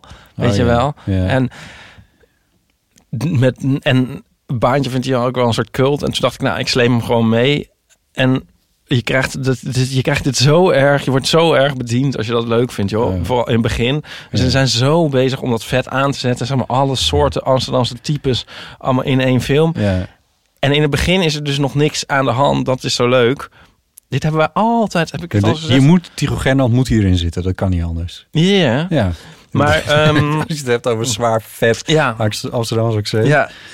En, ehm, nee, maar eh, heel vaak dan kijken we zo'n soort Een acteur die je kent. de- detective of iets. En dan denk ik van, oh, was er maar geen mysterie. Ja. En dat had ik hierbij. Ik, ik dacht echt zo van, oh, nu straks komt natuurlijk de hele thriller nog op gang. Oh ja, je wilde gewoon alleen die karakters. Ja, want in het begin is het meer een soort soap eigenlijk. Een soort, nou, soap, ja, ik weet niet. Een soort, soort zedenschets. Ik weet niet wat het is, maar... Het, Het begin van Baantje, toch? Daar Ja, gaat het over. ja. Ja. Ja. Nou, en dat is echt genieten met... Wie speelt echt, hem? De, de, baan, de, eh, Waldemar Torenstra. Oh ja. Ja, en Tiro Gernand is dan eh, de opponent. Ja, dat het is, natuurlijk, die moet de bad guy, dat kan bijna buddy, cop, oh, co- buddy cop movie is het. Waldemar Torenstra, die komt heel bleu zo uit Urk. En Oh. Tiro Gernand is de, de eh, Amsterdamse Ja, ja, agent die alles al gezien heeft. Ja. En ik weet niet, ik, ik had nooit... Dat was eigenlijk al voldoende. Nou, ik wist niet zoveel van Tycho Gernand eigenlijk. Ik bedoel, ik wist wie het was. Maar ik vond echt ook, eh, hij- ik vond echt dat hij van het scherm spatte. Wij waren echt heel enthousiast over hem. Ja, wat goed. Ja. En de film blijft ook daarna ook leuk hoor. Eh, Maar het wordt daarna een soort, ja, een beetje een soort politie-thriller. En No- blijft wel heel erg Amsterdams. Nee, dat valt ook wel mee. Ja. Maar die, die eerste, eerste vijf à tien minuten, dat, dat is wel het hoogtepunt. Maar, het- ik, maar ik vond het dus echt super veel leuker dan ik had verwacht. Terwijl ik op zich ook nog best wel zin in had. En ik dacht alleen van, is het wel slim om het baantje te doen? Want het heeft heel weinig te maken met het baantje. En er zaten een paar bejaarden in de zaal die echt zo zaten te kijken van, waar zijn we? En ehm, jongeren waren in geweld of wegen te bekennen. Want die Ja. dachten waarschijnlijk van, ja, baantje. En wie is Tycho Gernand? Ja, nou Ja. weet ik niet. Maar eh, op zichzelf als gewoon een leuke film. Anyway, sorry. eh Amsterdams accent. Moet ik even aan denken. Nee, ja, maar ik bedoel, dat is, het is nooit echt een, eh, ja, precies. Het is nooit echt een ambitie geweest, maar wel iets of, wat ik mee gespeeld heb toen de tijd van, oh, het is toch wel, het is, het is wel echt heel mooi. En ik had dan een buurman die het, die het echt eh, gewoon, ja, die nooit iets anders sprak. Die, ik- die ook gewoon niet Nederlands Ja. sprak verder of zo. Of, of gewoon, hoe heet dat, eh, accentloos Nederlands sprak. Maar gewoon dat. En eh, ja, dat, dat vond ik toch ook wel echt heel mooi. Ja. Ja. Ik heb het allemaal niet zo. Ik zou wel een andere motoriek willen hebben. Ik vind Vlaams heel mooi. Ja, ik, oh, ik bedoel ook, ja, ik ook. We hadden, we hadden hier nu natuurlijk, we hadden, of natuurlijk, maar we hadden vanmiddag Ik vind dat ook heel mooi. een, bezoek, wat? een bezoeker hier eh, in, de, eh, in de studio eh, van Vlaamse komaf. Ja, van Vlaamse bloeden. Een bloeden. Volgens mij was het niet vind- alleen het accent dat jij mooi vond. Hmm? Mm, ja, oké, fair enough. Maar het is ik vind het sexy. Ja. Ja. Ik vind, het ook, ik vind het ook heel mooi als vrouwen dat spreken. Dus het, het, is, het gaat wel iets verder dan alleen de fysieke aantrekkingskracht. Of Oh. zo. Je- Ja. Nou ja, goed. There, I said it. Ja. Sorry, wat zou jij zeggen? Oh nee, ik zei ik zou alle motoriek willen hebben. Ik beweeg me altijd alsof ik voortdurend bang ben dat iemand me een klap gaat geven. Als een soort raar schichtige Ah, wandelende tak. Ja, maar dat is toch niet normaal? Maar als ik mezelf op bewegend beeld zie, denk ik altijd van... Jezus, wat is dit? toch als een soort angstig dier. Ik herken het niet, maar... Nee, ik zit altijd zo... Zo. Moet ik dit nou ik. beschrijven? Wat- Nee, ik weet niet. Ja, maar gewoon hoe ik zit en denk van... Wat, ja. Angstig dier. Ja, angstig dier. Oké, dat is wel de beschrijving. Ja. Ehm, Nou, dat, dat valt mij op. Maar dat is geen accent. Maar dat zou ik misschien willen veranderen of zo. Ik bedoel, ik, ik kom heel anders over volgens mij dan ik eh, me voel. dat is met veel mensen zo va- waarschijnlijk. Oh ja. ja. Ik hoop ook dat ik heel anders overkom dan ik me voel. Ehm, even kijken. Ehm, een berichtje van Sarah. Hou dat dan nooit op Brigitte aan. En eventuele gast eh, met Sarah. Ik wilde even iets zeggen over de kwestie eh, partner. Eh, voor de naam van je vriend of vriendin. Tijd Ik geleden. weet namelijk dat in Amerika en Engeland in ieder geval. eh, juist vanuit de homobeweging of vanuit de die, eh, beweging. LGBT, wordt gestimuleerd dat iedereen elkaar partner noemt. Om juist het zeg maar, een beetje genderneutraal te houden. En ik me- volgens mij zijn mensen die het. Dat vind ik zelf eigenlijk een heel mooi ja, idee. Want je bent partners en het doet eigenlijk niet toe of het een man of een vrouw is.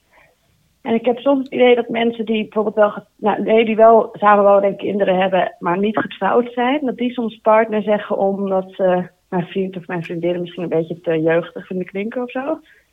Dus ehm, ja, ik, ik eh, ben erg voor dat iedereen gewoon partner zegt. Hoef je ook niet ja, eh, te duiden of iemand wel of niet is getrouwd. En eh, ja, dat het allemaal een beetje neutraal maken. En ik had ook trouwens een tijdje geleden inderdaad ehm, dit probleem andersom. Namelijk dat ik op een borrel was en een jongen stelde zich voor en die zei... Ja, ik ben een vriend van... En toen noemde hij een naam en ik weet niet of het... Ik denk dat het een beetje een genderneutrale naam was of ik verstond het niet goed. Maar ik dacht dus dat hij een vriend had. En toen later in het gesprek, toen wees hij ook naar de jongen, dacht ik, die met een meisje stond te praten.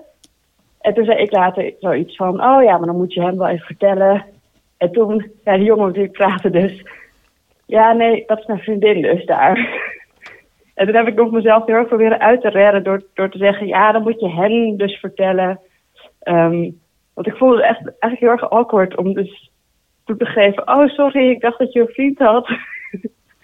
Want ik denk dat toch, oh, misschien dat mannen toch beledigd zijn of zo. Als je dan, weet je, als je er maar één seconde hebt gezien dat ze misschien, weet je, worden aangezien voor homoseksueel of zo.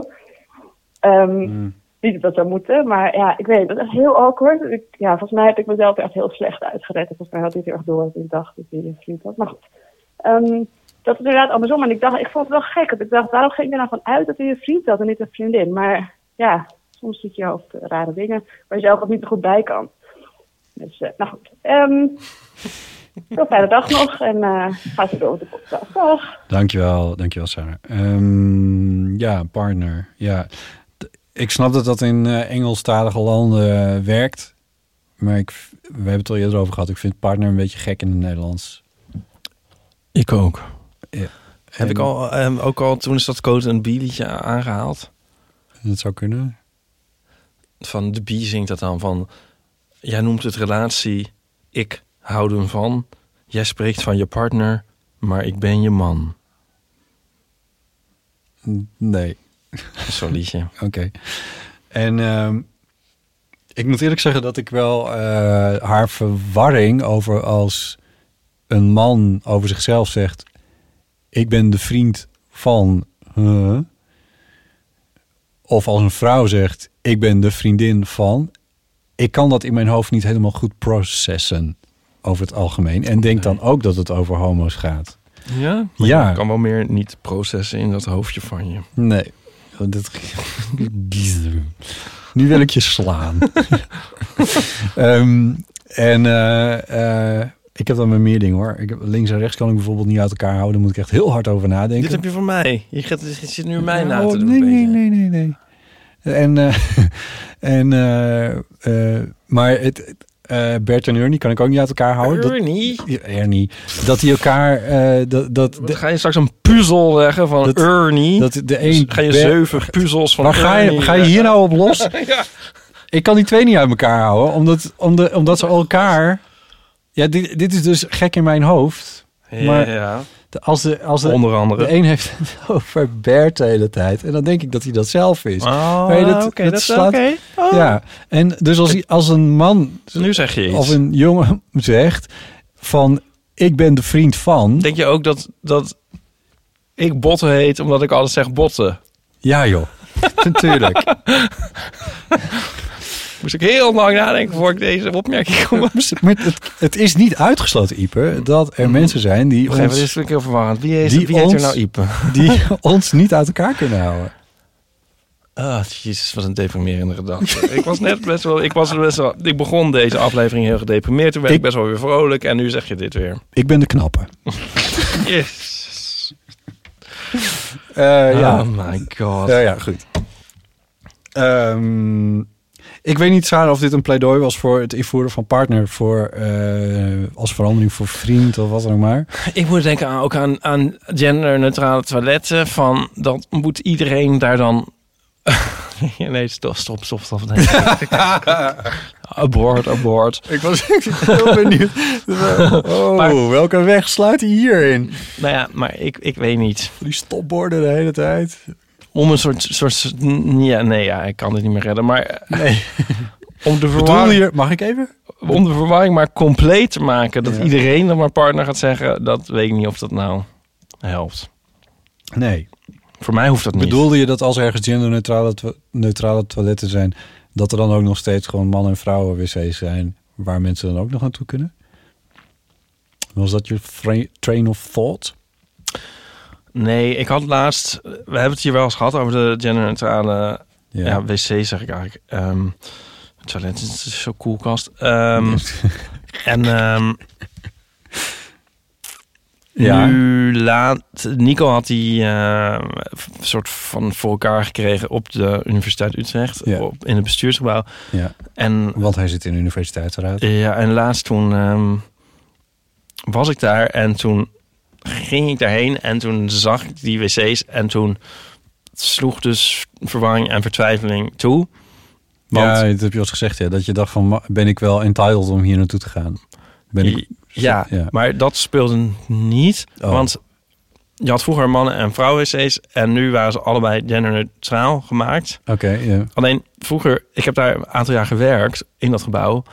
En ik liep er heen, toen dacht ik van, oh, maar welke was ook weer man, welke was ook weer vrouw? Hoe was het vroeger ook weer? Ja, Toen dacht ik, zou iedereen dat nog een soort, toch nog een soort aanhouden? ja. Maar ik wist ook niet meer welke welke was. Maar ik, Mannetjes zijn meestal links, vrouwtjes meestal rechts. is dat zo? Ja. Niet altijd, maar wel vaak. Maar goed, ik kan links en rechts niet uit elkaar houden. En in ieder geval, wat ik dus niet wil, wat ik toen ook al zei, ik, ik, ik wil dus niet in iemands space zijn of Nee. iemand laten schrikken of zo. Ja. Dat vond ik dus vervelend. En, en het kon niet slechter aflopen, want ik deed dan zo op de gok een deur open. En meteen, alsof er een soort geschrokken hert stond, stond daar een meisje met heel grote ogen me aan te kijken. en toen dacht ik van, oh nee, dit was dan de verkeerde of zo. Van, het had toch niet gemoeten of zo. Oh, ja. Ja. Maar ja, ik kon niet echt iets anders doen. En ik dacht ook, ik ga niet ook nu de deur weer dicht doen en omdraaien. Nee. En dan moet je ook gewoon doen alsof je weet wat je doet. Ja. Maar eh, ja, dus... Maar Mag ik je zo vragen? ja, Hangen er dan nog eh urinoirs? Of is dat ook de koelkast? Hoe zeg je dat? nee, dat kan niet wel. Pisbakken. Oh ja. Maar ja, die is achter een soort luik. Achter een soort saloondeurtjes. Oh, oh, oh oké. Ja. Dus daar Want hield de was- neutraliteit dan wel heel snel op. Ja, want in die zin werd ik wel weer vrijgepleit dat ik dus wel gekozen had voor de voormalige mannenwc blijkbaar. Waar die nog hingen, weliswaar nu afgescheiden met Ja. salondeurtjes. Ja. Saloondeurtjes. Ja. Maar ik dacht ook wel weer, want nu om dan weer, eh, ik denk ook wel van, daar moet ik dan allemaal weer aan wennen. Nou klinkt het echt alsof ik uit de 18e eeuw kom, maar ik, oh, ik zoek het probleem niet bij de. ik, ik weet niet wat het probleem is. Misschien helemaal geen probleem. In ieder geval, voor partner hoef ik dit niet. Ik vind het prima als iemand een man heeft en die zo wil noemen. Zeg dan, zeg, mag je Ja. voor mij dat zeggen? Het kan de emancipatie Ja, ook ik vind het eigenlijk allemaal goed. Eigenlijk vind ik alles goed. Dat wilde ik eigenlijk zeggen. ja, precies. Ik hou van iedereen en ik vind dat iedereen alles Het mag doen, mag zolang je de ander niet schaadt. Ja. ja. en het CDA mag op de Pride. Ja. Eh, Jezus. ehm, wat zou ik nou zeggen? Zullen we daar Misschien allemaal brieven het- over krijgen van, van Linda en Bram? Alvast, maar dat mag. Ehm, als, eh, wat ik wou zeggen is dat het ook wel emancipatoire kan werken. Als je dan gewoon als man zegt, ik heb een vriend. Terwijl als je zegt partner, dan laat je toch een beetje over Ja. aan de fantasie van. Of wat dan ook maar. Ja. Speaking of Linda, we gaan nog even naar haar luisteren. Hoi, Botte, Ipe en misschien een gast. Het is met Linda Duits. Ik bel maar weer eens met de eeuwenfoon, want ik zit ergens mee. Ik eh, heb vanavond weer geschilderd. Ik ben al twee weken bezig met schilderen. En ik luisterde van de week jullie aflevering eh, waarin een meisje inbelde met een vraag over schilderen. Ik, ik loop dus een beetje achter, sorry daarvoor. Maar ik luisterde die aflevering en toen hadden jullie een heel ges- leuk gesprek over perfectionisme. Wat ik heel herkenbaar vond. Want ik zit dus al twee weken in deze hel waarin het nooit af is. En ik zie elke keer maar weer plekjes en zo. En nu hoop ik dus dat vanavond de laatste avond is. Maar ik zag nu al dat een aantal plekjes die blauw horen te zijn, eigenlijk wit zijn. Dus dat ga ik dan morgen nog maar weer een keertje nalopen. En het is dus nooit klaar. Nou, vorige keer hadden jullie wel een leuk gesprek, maar geen advies. Dus mijn vraag aan jullie is: wanneer is het klaar? Wanneer zeg je het is gewoon klaar, Linda? Nu lijkt het erbij. Stop met schilderen. Dit is je nieuwe gang. Oké, ik ben heel benieuwd. Groetjes. Deadlines. Deadlines zijn het antwoord. Oh, huh? nee joh. Ja. De Eeuw van Amateur moet door mijzelf ja, verzonnen die gang- deadline om drie uur 's middags op vrijdag online staan. Slaat nergens op. Dus dan is hij klaar. Zo kan je niet een gang schilderen. Nou, Je ja, kan dan- niet denken van dinsdag om zes uur is hij klaar. Jawel, want en dan, is hij totaal niet klaar. En de dan denk je van... er weer in. Of, eh, of dan ga je op vakantie. Of dan eh, begin je aan, eh, aan, een, aan een examenperiode. Of, Je kan misschien soms jezelf een klein beetje voor de gek houden, maar dit zou dan wel de scam of the century zijn. Oké. Nee, ja. Kom jij dan, geef Linda dan een tip? Nou, ik denk dat Linda's gang nu klaar is. Oh, je geeft haar nu een deadline. Nee, niet een deadline. De deadline ligt in de toekomst. Hij is, al, hij is Nou, gewoon klaar. Is hij dan nu eh, op eh, donderdagmiddag tien over zes eh, Ja. klaar? Of is hij op het moment dat deze podcast Toen zij dit insprak, online- was hij al klaar. Toen- Ja, maar dat hoor je toch aan alles? Nee, ze zegt van dit zijn nog plekken die wit zijn, die blauw hoorden te zijn en al die shit. Ja, maar je hoort aan haar, vind ik wel, van... Ja, het wordt gewoon niet beter.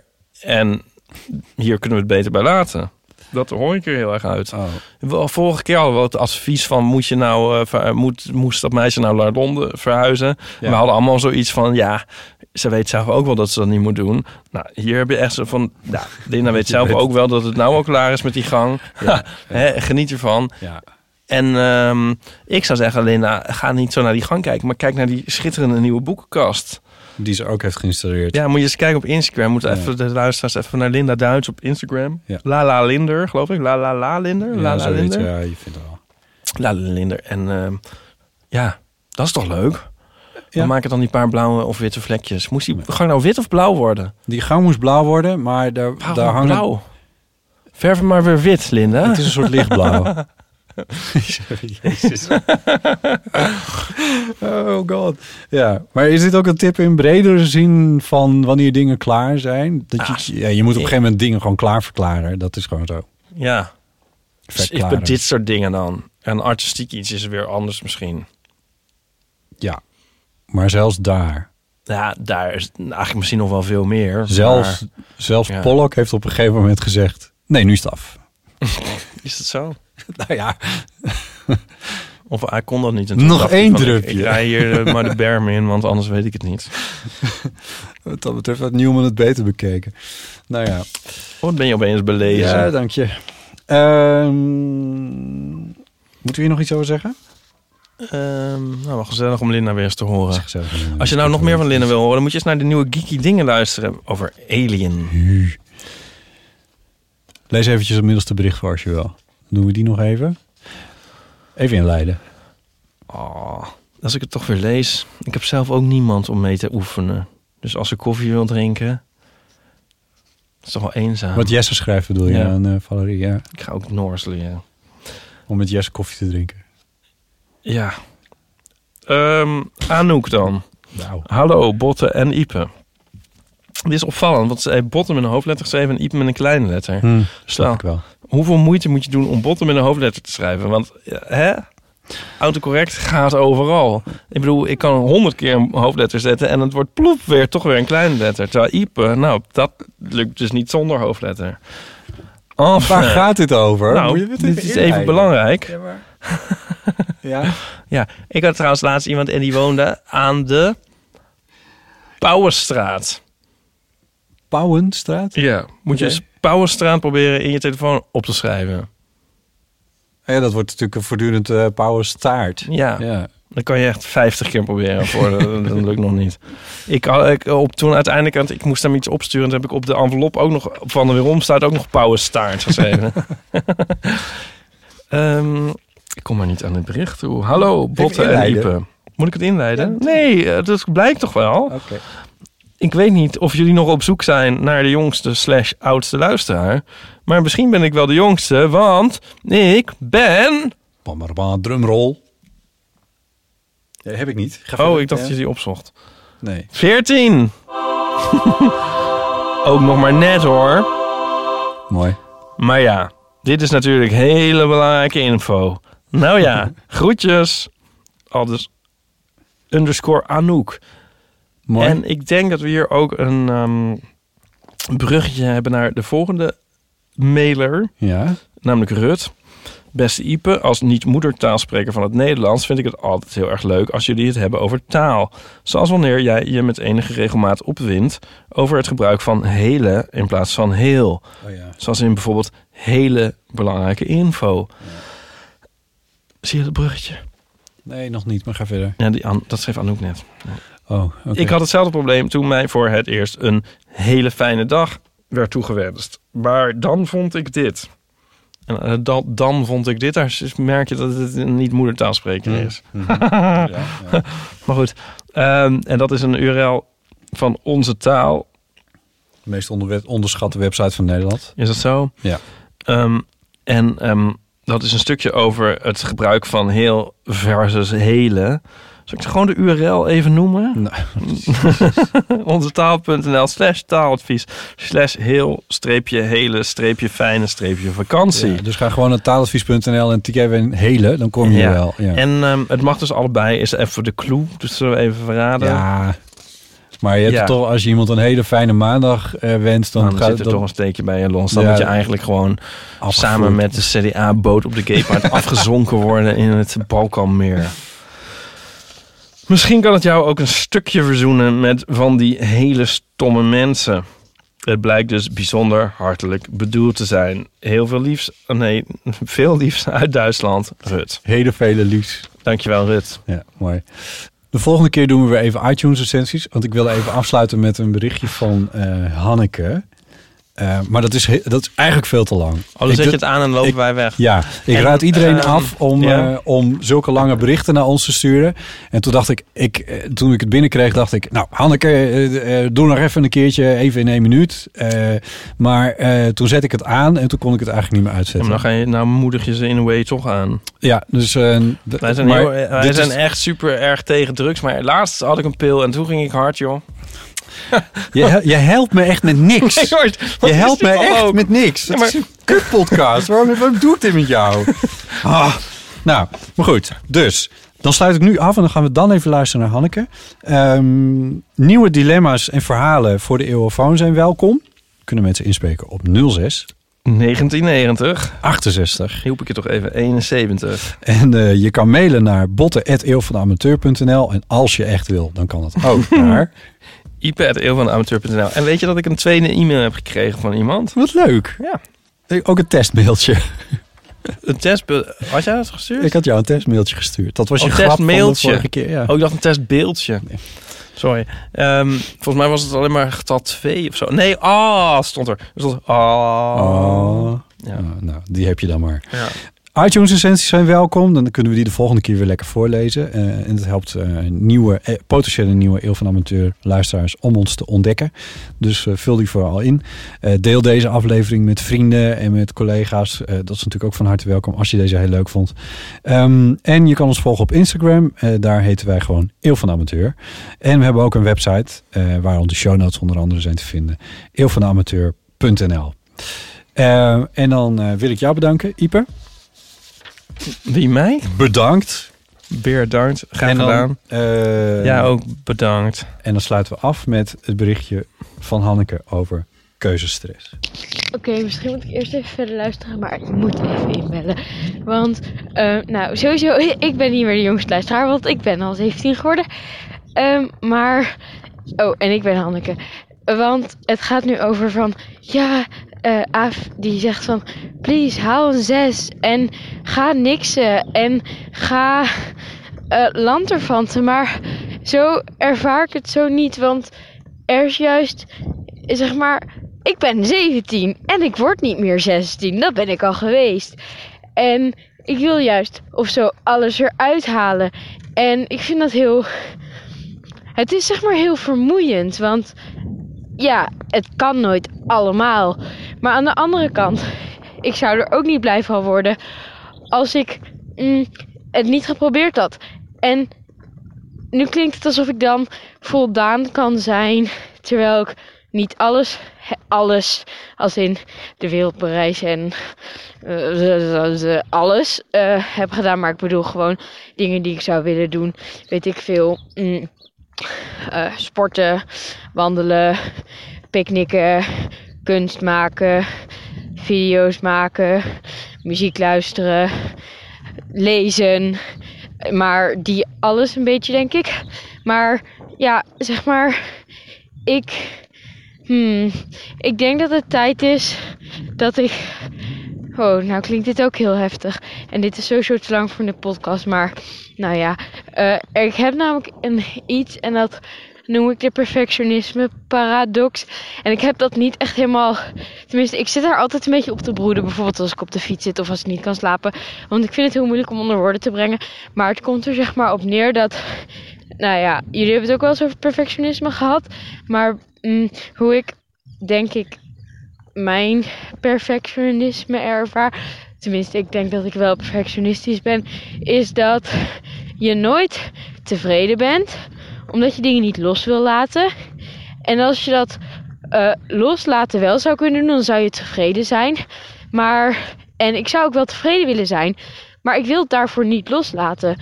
Want mm, ik haal heel veel motivatie uit mijn perfectionistisch zijn. En dat is waarschijnlijk niet de goede bron om motivatie uit te putten. Maar dat is wel bijvoorbeeld voor schoolwerk. Kijk, ik heb gewoon een streefniveau. En daar wil ik aankomen. En dat is gewoon ook omdat ik het fijn vind om die cijfers te halen. Maar ook omdat ik niet wil dat ik ze niet haal. En dan kan ik denken van, oh, hoeft, kon ik maar iets minder tijd in school stoppen. Omdat het uiteindelijk niet uitmaakt. Want ik haal dat diploma ook als ik minder moeite doe. Maar nee, dat wil ik ook niet. Want het, ik, het vormt mij ook. Ik ben ook diegene die die cijfers haalt. En ik ben diegene die deze dingen allemaal buiten school doet. En ik zou er nog veel meer willen doen. Maar dat lukt dan niet. Dus ik ben ook nooit tevreden. Maar aan de andere kant zie ik ook niet in hoe ik tevredener zou kunnen zijn. Ja, behalve als ik meer los zou laten. Maar als ik meer los zou laten, dan zou ik minder doen. En ja, dan zou ik dat dus losgelaten hebben. Dus misschien zou ik dan wel tevreden zijn. Maar als ik minder dingen zou doen, dan zou ik minder dingen doen. En dat kan ik vanuit hoe ik nu ben wil ik niet. Dus nou ja, het is een beetje een rondje wat ik zo de hele tijd draai in mijn hoofd. En het is ook niet dat ik van plan ben om dingen los te laten, want dat wil ik niet. En dat ben ik niet. Maar het is gewoon moeilijk.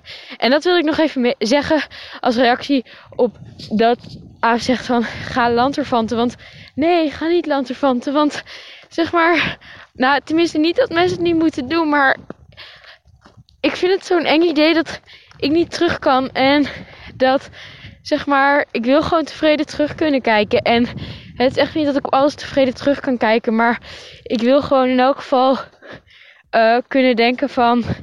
Ik heb wel gewoon geprobeerd om toen te doen wat ik wilde doen. Ook al achteraf gezien had ik beter die tijd daaraan kunnen besteden. Oeh, eh, ja, eh, ik moet niet even, even niet vallen. Nou, sorry voor het luisteren naar dit lange verhaal. Ik snap dat dit niet in de podcast komt, maar ik wilde het toch gewoon eventjes kwijt. Lieve groetjes. Ik word er heel blij van dit allemaal te luisteren. Ik ben nu ook aan het wandelen en ik vond dat ik dat moest doen. Alleen zijn er ook andere dingen waarvan ik vind dat ik ze moet doen. En het kan gewoon allemaal niet tegelijk. En ehm, dat is wel iets waar ik mee zit. Dat ik dan zoveel wil doen. Maar dan wil ik iets niet gaan doen. Omdat ik dan bang ben dat ik daarmee iets anders uitsluit. En sinds ik die gedachte in mijn hoofd heb kunnen formuleren. Van ik wil zoveel, dus doe ik niks. Bang om met A, B uit te sluiten. Eh, een beetje die zin, denk ik dan. Ehm, sinds ik dat bedacht heb, ga ik dan wel gewoon dingen doen.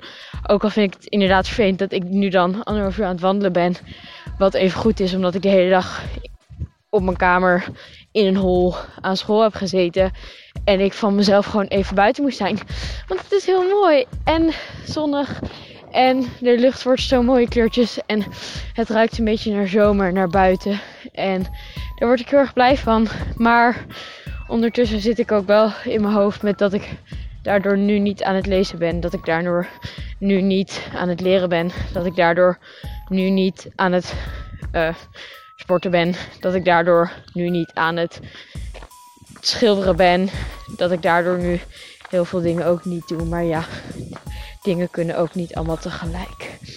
Dus ik denk dat ik maar even moet stoppen. Want anders ben ik jouw tijd, als je dit überhaupt luistert, ook aan het verspillen natuurlijk. En ik was al begonnen met zeggen lieve groetjes. Dus dan maak ik even af. Lieve groetjes. Ik luister heel graag. En ehm, ja, hopelijk tot Noorderzon. Doei doei.